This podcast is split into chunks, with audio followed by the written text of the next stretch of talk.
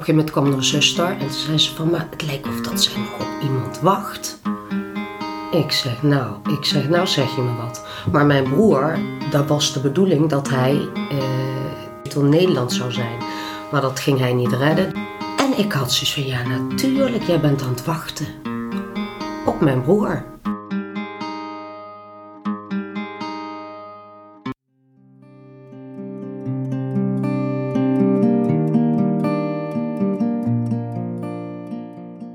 Welkom bij Even aan mijn moeder vragen, de podcast. In deze podcast onderzoeken we de eerste relatie in je leven, de relatie met je moeder. In deze aflevering hoor je het verhaal van Jessica. Toen haar moeder ziek werd, besloot ze om hun contact te herstellen. In deze aflevering deelt ze over de laatste vier dagen van het leven van haar moeder. Ik ben Jessica Kouwenberg, ik ben 50 jaar en ik ben de dochter van Hilde Kouwenberg. Zij is twee jaar geleden overleden, tweeënhalf jaar geleden. En ehm, ja, ik denk dat wij een hele bijzondere relatie altijd al hebben gehad. En voor mijn gevoel is deze er nog steeds. Mijn moeder is eh, eigen gereid, altijd geweest, eigenwijs, eh, vrolijk, heel veel humor, hardwerkend. Eh, overal waar ze binnenkwam was het gelijk een feestje. Ik denk dat zij voor heel veel mensen ook veel betekend heeft. Eh, bij ons was het best wel een zoete inval vroeger. Dus zij stond, of stond, ja, ze heeft altijd wel in contact gestaan met, met heel veel eh, mensen. En daar ook zorg over gedragen op haar manier. En het leven, zeg maar, gevierd. Dat is een complete vrouw die jij omschrijft. Ja. Werk- Werkte jouw moeder ook? Ja, het ja. een beroep? Zeker. Mijn moeder heeft jarenlang in horeca gewerkt. En eh, de laatste jaren van haar leven, maar ze heeft ook heel veel voor jeugd gedaan, voetbalverenigingen, kantines en dat soort dingen. Maar de laatste jaren is zij purser geweest op eh, een schip. Dus zij eh, voer over de Rijn, een reisje langs de Rijn hè, is dat. En dat heeft ze ook altijd met heel veel passie en gedrevenheid gedaan.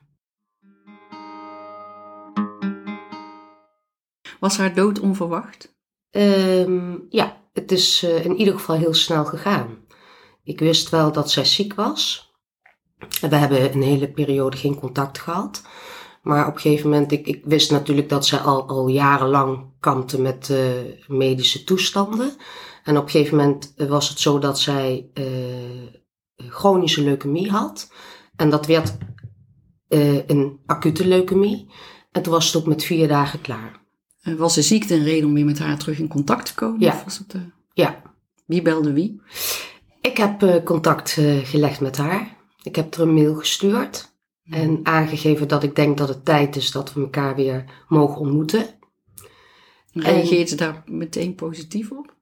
Nee, niet direct. Dus ze heeft het heel even laten bezinken. En toen heeft ze aangegeven ehm, ja, dat ze er toch open voor staat. En dat ze ook aangaf dat we het natuurlijk ook heel lang heel goed hebben gehad samen. Het was voor mij voldoende dat ze zei, ja, het is goed. Hm. Ik wil, ik wil je zien. Ik heb, ik heb eh, uiteindelijk de keuze gemaakt om niet het contact opnieuw te leggen. We hebben in het verleden hebben we vaker eh, zijn we het oneens geweest. En ben ik altijd wel degene geweest die, die de telefoon pakte. Dus ik heb Ja. altijd een contact hersteld. En dat was ik op een gegeven moment zat. Dat ik dacht, het is nu niet meer aan mij. Ik kies voor mezelf. En dat heeft ertoe geleid dat er vier jaar geen contact is geweest.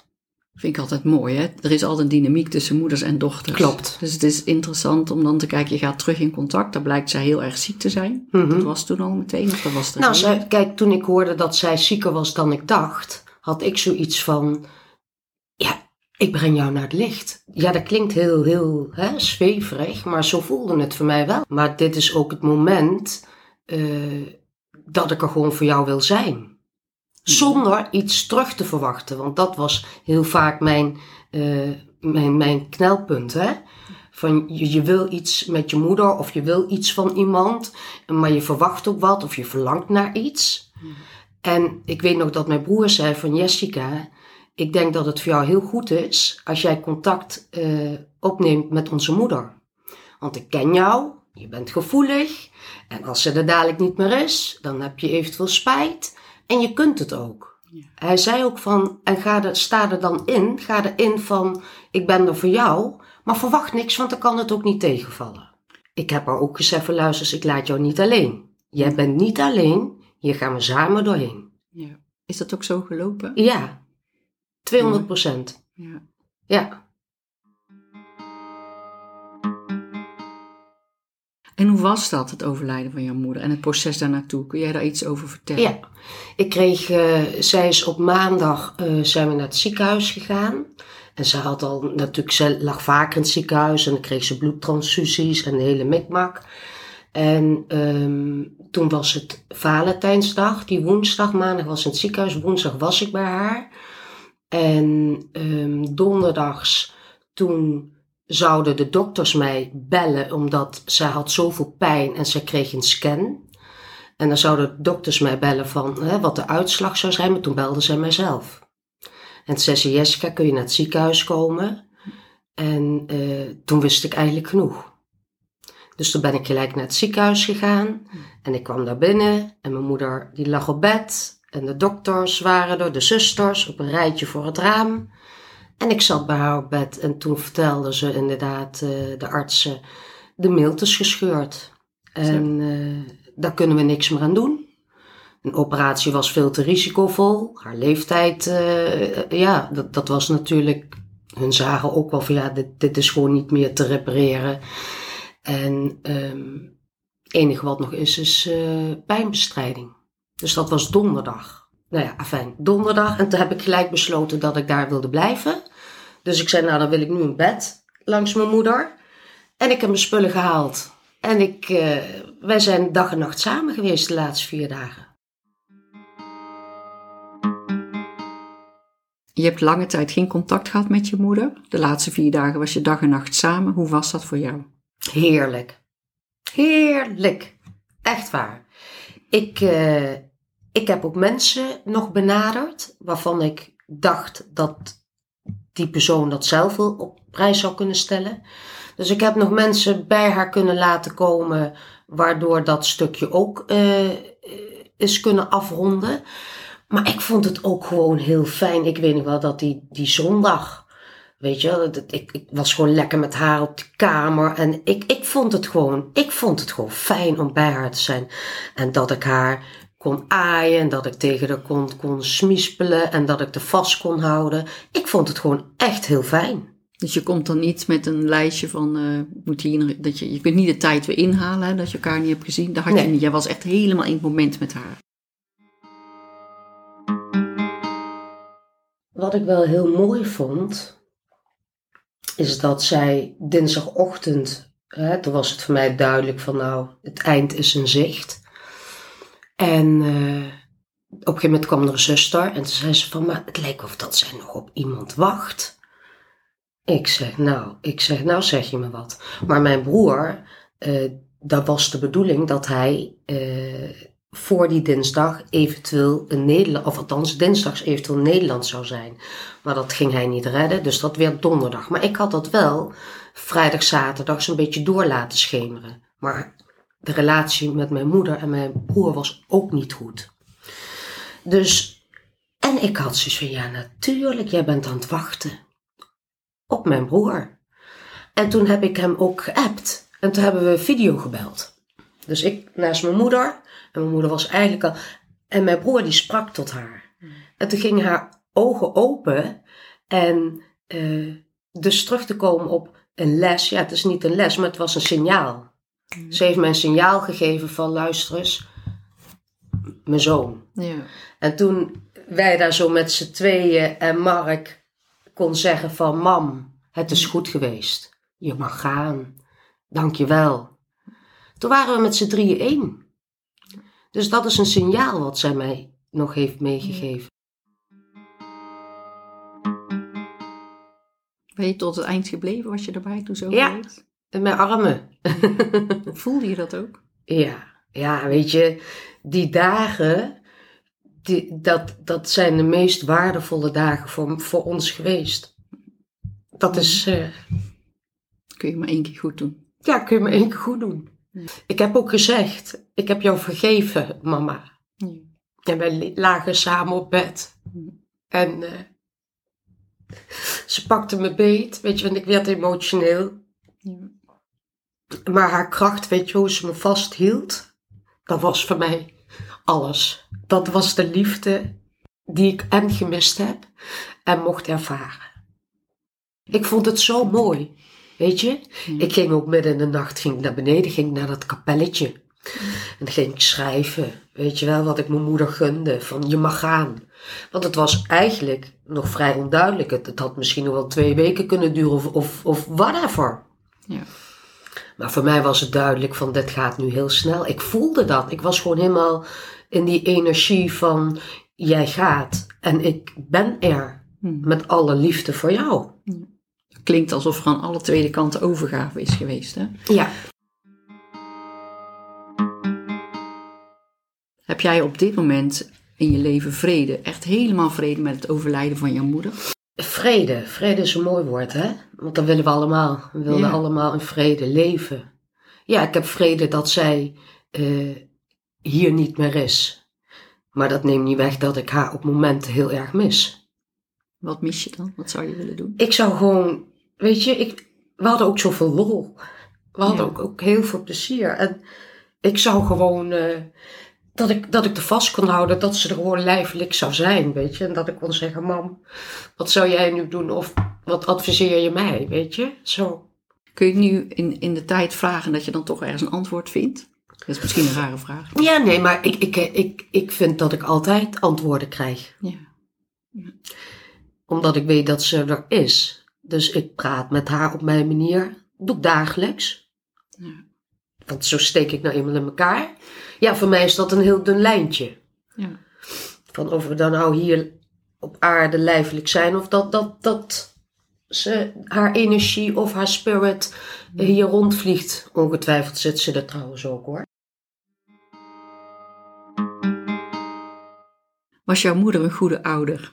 Wat is goed, wat is slecht? Elke ouder eh, doet wat in zijn of haar vermogen ligt. Ja? Dus dat heb ik inmiddels geleerd. Ik heb eh, heel veel en vaak gedacht: hoe heb je dat kunnen doen? Of ik kan dat niet begrijpen. Dus in die zin heeft mijn moeder eh, zeker steken laten vallen in mijn jeugd. En ehm, had ik heel graag anders willen zien. Maar zij heeft gedaan waarvan zij dacht dat het op dat moment het beste was. Ja. Dus zover ben ik wel gekomen. En je bent zelf ook moeder. Ja, Je hebt ook ervaring aan de andere kant. ja, Ja. klopt. Zijn er dingen die je hetzelfde doet als je moeder? Ik heb altijd geroepen, nou dat ga ik niet doen. Nou, dat doe je lekker wel. Sommige dingen doe je wel. En ik hoor ook heel veel van mensen, oh wat lijk je op je moeder. Oh my god. Maar eh, nee, wat ik, wat ik anders heb willen doen en wat ik ook anders heb gedaan, eh, vind ik zelf, is dat ik mijn dochter eh, ehm, absolute veiligheid heb gegeven. Misschien te veel veren in de bibs heb gestopt. Waardoor ze nu denkt van nou, hé, ik ben toch volledig oké. Nee, maar dat, eh, ik heb dingen zeker anders gedaan. Ja, zeker anders gedaan. Maar ongetwijfeld doe ik ook dingen die mijn moeder eh, heeft gedaan. En accepteer je dat ook al? Ja. Jezelf? Ja, ja, ja. Want ook ik ben niet perfect. Ehm, je bent half je moeder en half je vader. Dus sommige dingen zijn gewoon echt met het badwater of met het vruchtwater meegekomen, denk ik wel. Ja. En dan wil je misschien wel anders doen, maar in het accepteren dat je het precies hetzelfde doet, eh, komt ook rust. Die misschien niets met vergeven te maken heeft, maar die wel te maken heeft met, oh ja, zo gaat dat. Of zo, zo doen wij dat. Ja.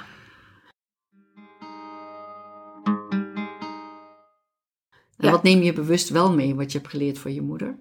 Ehm, nou, in ieder geval het, het, het, het doorgaan. Nooit opgeven, want mijn moeder heeft absoluut geen makkelijk leven gehad. Verre van. Maar zij is ook altijd in staat geweest om op te staan, door te gaan. Dus zij is ook een heel krachtig eh, persoon. En nu ze er niet meer is, kijk je daar dan nog anders naar? Ja, heb ik meer respect voor gekregen. Meer respect, meer bewondering. Dat vond ik zelf eh, interessant als je zelf moeder wordt. Dan ga je ook voelen hoe goed je het zo bedoelt altijd. Maar dat je, niet, dat je niet altijd de taal spreekt van je kinderen. Of Ja, en dat dat, eh, ja, mijn moeder dat ooit in haar tijd met ons gehad heeft. Ja. En dan met terugwerkende kracht kun je, kun je voelen, oh ja, ik ben net als zij en ik voel me nu misschien wel net zo onmachtig als zij. Ja. Net zo ja, dat je het niet weet. klopt. Ja, mooi. Wat is de belangrijkste les die jij ooit leerde van je moeder? Ja, dat vind ik, dat vind ik echt heel lastig. Ik, omdat ehm, de belangrijkste les. Ik, eh, ja, nou, je ziet het, ik kom er werkelijk niet op. Ik kom er niet op wat de belangrijkste les is. Ik denk eh, niet zozeer een les, want ik vind dat ik mezelf heel veel lessen heb gegeven, maar wel de humor. Kijk, dat is geen les, dat zit natuurlijk gewoon in haar, maar wel eh, dat je ook kunt relativeren. Dat dan. En de ene dag is de andere dag niet, dat weten we allemaal. Maar zij was ook in staat om weer, hop, en dan ging ze weer. En dan ging ze of alleen carnaval vieren of dan helemaal opgetut. En dan, en dan kwam ze weer allemaal mensen tegen. Dus het was ook wel echt wel iemand, eh, weet je, die, die maakte snel contact. Mensen vonden haar gewoon eh, een leuk mens. En ze heeft gewoon heel, heel wat moois daarin ook achtergelaten. Kun je daar een voorbeeld van noemen?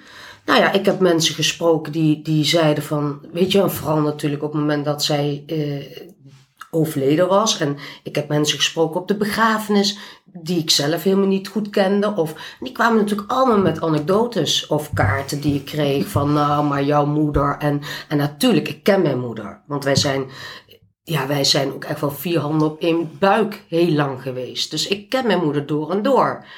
Maar dan hoor je nog steeds verhalen van, goh, maar, hè, en dan kwam ze binnen en dan hadden we dit, of we hadden we toch een lol, of zij maakte dat, of, en dan denk ik, ja, weet je, zo is het ook. Waar zij kwam, het was een feestje. Als, je nou, als ze nou niet ziek was geworden, Ja, wat had je dan nodig gehad om terug met haar in contact te komen? Wat had je dan nog met haar willen doen? als, zij, als zij niet ziek was geworden, wat ik nog met haar had willen doen, Ja. ik had nog wel met haar een leuke reis willen maken.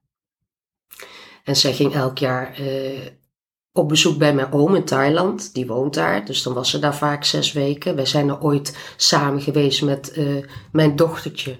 En zij was toen nog jong, eh Jasmin. Dus we zijn er ooit al een keer met z'n drieën geweest. Ik weet niet of ik direct met haar naar Thailand had gewild, maar ik zou met haar nog wel een reisje hebben willen maken, ja. Ja, dat had ik eigenlijk wel, dat zou wel heel leuk zijn geweest. Wat had zij nog met jou willen doen? Want het proces wat je omschrijft was hè, die vier dagen, of in ieder geval die, dat Mhm. acute, die acute fase. Dus jullie hadden geen tijd voor een bucketlist. Nee, maar ik heb er eentje af kunnen strepen. Op vrijdag zeg ik tegen haar. Ik zei, mam, ik zei, wat zou jij nou nog willen? Ze kon nog vrij weinig. Althans, ze was 's middags nog buiten geweest. En toen zei ze, nou, ze zei, ik zou een sigaretje willen.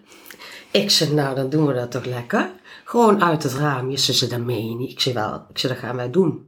Dus ik heb de deur en die gordijntjes ervoor. Ik heb dat raam helemaal op. Ik heb dat ook opgenomen. Hè. Ik heb daar gewoon een geluidsopname van.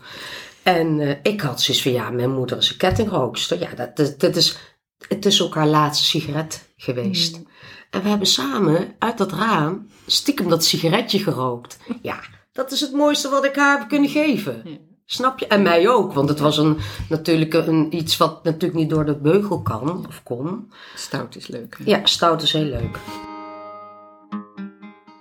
Wat zou je zelf mensen met een zieke moeder adviseren? Eh, maak alles bespreekbaar. Wat je ook op je hart hebt, maak het bespreekbaar. En eh, het maakt niet uit of, of je het wil hebben over je pijn of eh, je vreugde over dingen, maar communiceer, praat met elkaar. En dat heb ik ook gedaan. En, en ik vond het bijvoorbeeld ook heel fijn toen ik bij haar was. Weet je, dat ik heb haar ook aangeraakt. Haar buik was heel erg opgezet. En ik, heb haar, ik vond het heerlijk om haar te masseren. Om haar liefde te geven. Maar communiceer, praat of knuffel. Doe, doe, doe wat je wil of zou willen. Wie is er dan aan zet? Moet zij met, zou de ander met iets moeten komen wat ze graag willen? Of, Kijk, daar, daar gaat het weer. Hè? Kijk, mijn moeder was stond eigenwijs. Die was niet heel erg goed om. eh, eh, zij was niet heel sterk om te zeggen wat zij werkelijk voelde. Of ehm, daar was zij wat. Ja, daar, ben ik veel opener in. Dus het gaat er niet om wie wat moet doen.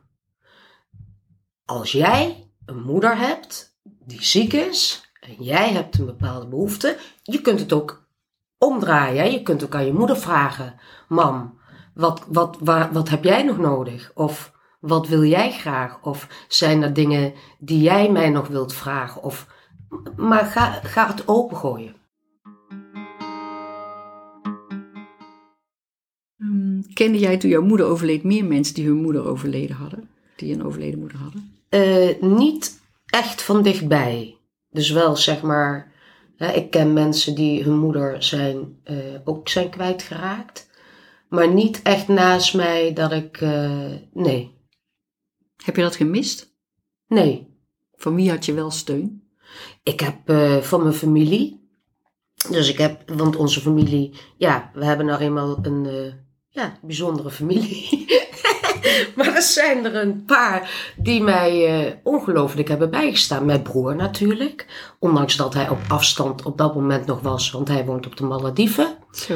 Maar hij is wel, eh, hij kon wel gelukkig erbij zijn eh, bij de begrafenis en al. Maar hij heeft mij op afstand, waren wij één. Mooi. En, en mijn vrienden. Mijn dochter is er natuurlijk op haar manier voor mij geweest. Maar vooral ook mijn vrienden. Ja. Ja, Wat, voor, wat, wat, de- wat maakt het bijzonder wat ze deden? Of wat was precies wat jij nodig ja had? mijn vrienden zijn vrienden die, eh, een voorbeeld te noemen. Ik, ik was in het ziekenhuis. En eh, ik hoefde alleen maar te zeggen, luister eens, kun je me even een tasje brengen? Doe even een flesje wijn erin. Want ik denk, ik doe lekker een wijntje bij mijn moeder op de kamer drinken, kan mij het schelen. Pak je sigaretten. Die meiden roken, of sommigen roken helemaal niet. Maar weet je, dan komen ze met zo'n tasje bij dat ziekenhuis en dan zit er een mandarijntje in en dan zit er, weet je, ook gezonde dingetjes en een boeddhaatje. Ja, dat zijn dingen, ja, je, je weet gewoon dat je dag en nacht van ze op aan kan. En ze komen ook en ze, ze, als je ze nodig hebt. Dus dat is heel waardevol geweest.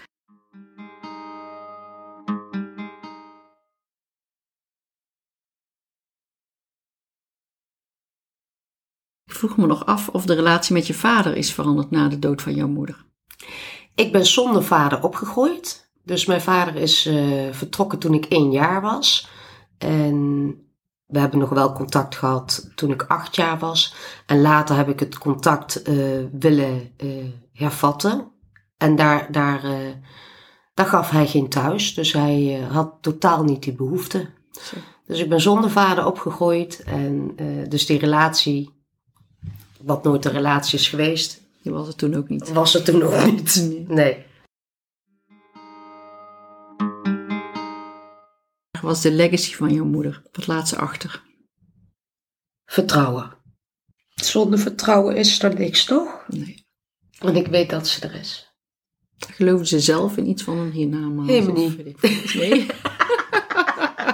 Maar dat, dat, heeft, dat, ja, dat was een beetje eigen gereid. En zo van, oh, het zal allemaal wel. Maar zij, was ook, zij had ook heel veel spiritualiteit, hoor. Maar zij, zij wilde daar niks mee. niet voor zichzelf. Nee. Niet, eh, in het plaatje. Dat, dat, eh, dat kon zij denk ik eh, niet zo goed handelen. Maar zij, zij was wel zeker heel bewust. Zonder dat ze het zelf in de gaten had. Eh, ze geloofde niet zozeer in, in een hiernamaals. Of, het maakte haar ook niet uit of ik haar ging begraven. Of, maar ik wilde haar heel graag begraven. Ze zei, ja, zoals jij je... de- prima. Heb je dat nog met haar geregeld? Hoe dat het allemaal moest gaan lopen? Of? Ik heb het allemaal, eh, nou ja, goed, het was in één keer natuurlijk heel snel. En ik moet zeggen, ik heb het eh, fantastisch gedaan. Ja, echt waar. Nou, werkelijk waar. Dat heb ik ook in mijn boek, ja, Ja. helemaal mooi beschreven. Ik heb het gewoon, eh, we hebben het gewoon heel mooi gedaan. Dit is precies wat de bedoeling was. En het aparte is, ik moest natuurlijk een week later dat huis, eh, of haar huis uitruimen. En toen kwam ik een brief tegen hoe ze het graag allemaal had gewild. Nou, dat was dus iets anders. maar dat maakt niet uit. Nee, Want nee. ze had blijkbaar toch al ergens muziek neergelegd. En ze had gezegd, nou ik wil eigenlijk wit, of niet eigenlijk, ik wil wit met rode ro- bloemen. En eh, nou, ik, heb, ik had lekker hele andere kleuren. Maar dat maakt niet uit, want ik weet gewoon, hoe ik het heb gedaan, is gewoon fantastisch. Tot het opbaren, ik heb haar prachtig gemaakt, tot de kleding, tot de, de hele mikmak is gewoon prima geweest. Ja. Die dag was het ook, het is fe- februari en dat was, die dag was het 18 graden. Ja.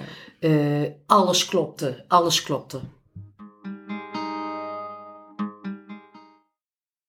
Nou, je vertelt heel, eh, heel bewogen over hoe het is gegaan. Eh, even geen contact met je moeder, toen wel in contact. Nou, heel heftig in contact, want je mocht bij je moeder zijn tot haar overlijden. Of, je hebt het heel mooi gedaan met de uitvaart, daar ben je trots op, dat kan ik ook aan je zien. Ja. Eh, en dan wordt het stil.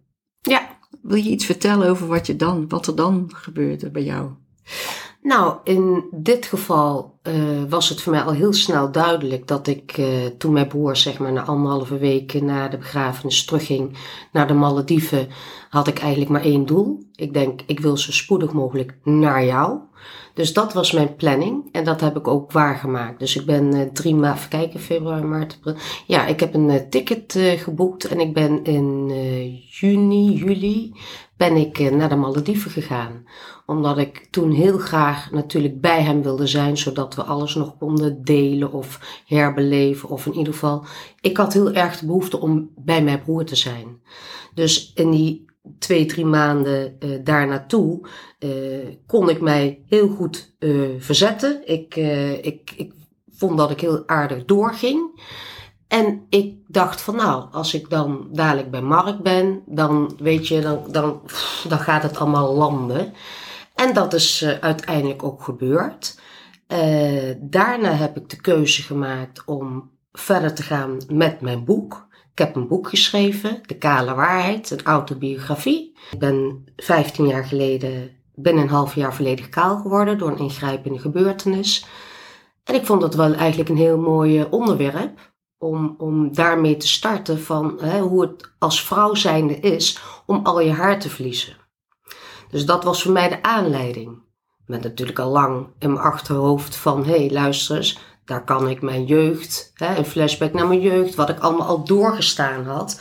Dus ik vond het belangrijk om te laten zien van, eh, buiten het feit dat ik mijn haar ben verloren of dat ik een, eh, een eh, huidaandoening heb, vitiligo, waar het pigment verdwijnt, dat ik al zoveel tegenslagen had overwonnen. En dat de rode draad uiteindelijk is dat je inderdaad het kunt ombuigen naar het positieve. Maar voornamelijk die eigenliefde, eh, dat je dat zeg maar, eh, dat ik dat voor elkaar heb gekregen om echt voor mezelf te houden. En dat is eh, onder andere waar mijn boek over gaat. En daar heb ik ook het overlijden van mijn moeder in beschreven. Hoe dat voor mij is geweest. Dus dat is voor mij heel, heel waardevol geweest wat betreft het verwerken. Ik heb het eerste jaar heb ik, heel veel gerouwd. Op mijn manier. Nog niet eens zo heel veel met de buitenwereld. Of met mijn, tuurlijk, mijn vrienden die wisten ook wel. Maar ja, ik ben iemand die dat voornamelijk veel alleen doet. En dat kan s'avonds zijn en dan kan ik eh, muziek hebben. Of dan kan ik helemaal in mijn euforie zitten van vrolijkheid. En dat ik alles. En dan kan ik in één keer omslaan omdat ik ze ontzettend mis. Althans, zo is het het eerste jaar geweest. Maakt Maar- dat verschil? Want dat hoor je van heel veel mensen. Hè? Want dan heb je de verjaardag en kerst en Ja, ik het oh ja, dat soort dingen. Ja, ja. Voelt Ja. dat zo? Alsof het dan een full cirkel is na een jaar? Eh, nou, ik had wel. Ik had wel inderdaad, want net wat je zegt, je, je, zij is in februari overleden. Eh, in maart is ze jarig. Dan krijg je april de, dochter, of de verjaardag van mijn dochter. Dan eh, krijg je 5 mei mijn verjaardag. Dan heb je moederdag. Dus die, dat, dat Ja. stukje is allemaal op elkaar waar er natuurlijk heel veel emoties zijn dat ze er niet meer is. En zo'n eerste jaar is, eh, ja, dat, dat is wel alsof dat je daarna voor je gevoel zeg maar wat afrondt. Of meer het boek daarin kan sluiten qua eh, hele heftige pijnen. Maar dat, geldt, dat is voor iedereen natuurlijk anders. Hm. Ik ken mensen die, eh, ja, die zeggen het wordt alleen maar erger. Het, het, dat, het, het, het verlies van een dierbare, in dit geval mijn moeder. Ik denk dat dat voor iedereen op een andere manier geldt. Maar dat het wel degelijk te maken heeft met van hoe is dat afgesloten. Snap je? Want ik weet ook nog dat ik een half jaar na haar overlijden, had ik een hele periode alsof ik een soort aardappel in mijn keel had. Met het slikken. Ik denk, wat heb ik hier? Wat zit hier? De... Nou, ik zal wel iets van eh, daar een tumortje. Maar toen ben ik dat op gaan zoeken. Hè? Het, het, eh, het, ehm, noem je nou? De emotie daarachter. En toen dacht ik, ja nee, maar natuurlijk. Dat is logisch, weet je. Je houdt alles in of je slikt en je wil doorgaan. Je gaat door. En daarom is dat uiten of het toelaten van emotie heel essentieel. Ja. Want je lijf rouwt mee. Ja, want je lijf rouwt mee. Dat is een feit. En ik heb het precies kunnen schrijven zoals het is gegaan. En daar ben ik heel erg blij om. Stel dat er een rouwetiket zou bestaan. Wat zou daarin moeten staan voor jou? Ja, etiketten. Ik ben persoonlijk niet zo van de etiketten. Helemaal niet. Maar goed. eh, nou, kijk. Het is zo'n eerste jaar. Dan hebben natuurlijk mensen eh, belangstelling daarvoor. Maar ik vind dat... eh, zelf vind ik, hecht ik daar niet zoveel waarde aan. Ik weet dat als ik eh, die aandacht daarin nodig heb, of ik wil erover kunnen praten, dat de mensen daar zijn. Dus ik, eh, eh, wat ik wel belangrijk vind, inderdaad, dat klopt wel. Als je dan kijkt, zo'n eerste jaar met de kerst of met oud en nieuw of wat dan ook. Ja, dan verwacht je wel van, van je omgeving of familie. Dan, dan heb je daar wel behoefte aan. Om, om, al al is het maar van hoe is het met je, of ik denk met je mee, of ik denk ook aan haar. Of, weet je, dat is gewoon prettig. Maar ik denk dat in mijn geval, ik heb natuurlijk, ik zeg wel eens van, ik, ik had al vier jaar geoefend. Snap je? ik had al vier jaar geoefend. dus dat is natuurlijk anders. Ja. En als we het dan toch etiketten zouden noemen, wat zouden dan in de rouwetiketten voor het tweede jaar mogen? eh vraag er nog eens een keer na. hoe ik me voel. Hè? Vraag er maar gewoon na. Wat het met me doet of hoe ik er nu in sta. Ja. Of wat ik het meest mis, inderdaad. Want dat, dat is wat jij mij net hebt gevraagd. Ja. Ja, weet je, dan, dan breek je ook gelijk. Want dat zijn wel hele essentiële punten. Maar dat vraagt van de ander dat ze kunnen verduren. Hè? Ja, Ja. Dat is voor mensen vaak eh, lastig. ja klopt. Want heb je zelf wel eens met iemand in je omgeving die vader of moeder of weet ik het wat verloor? Hoe, wat deed je dan? Nou, ik heb, eh, dat, dat is ook, vind ik, weer een mooie vraag. Ik vind het allemaal wel hele mooie vragen hoor. Nee, ik heb ooit meegemaakt, wel vaker, omdat ik dus eh, op de een of andere manier wel gefascineerd ben door de dood. Toen was er iemand eh, plotsklaps overleden. En eh, dat was een supporter. En dat was een hele grote aanhang. Dus op Facebook kwam er van alles voorbij. eh, dat die was overleden, die jongen. En bladibla. En ik zag op een gegeven moment ook een post van iemand. En ik voelde gewoon, weet je, zijn gemis en zijn verdriet en al. En toen ben ik gewoon met hem in gesprek gegaan.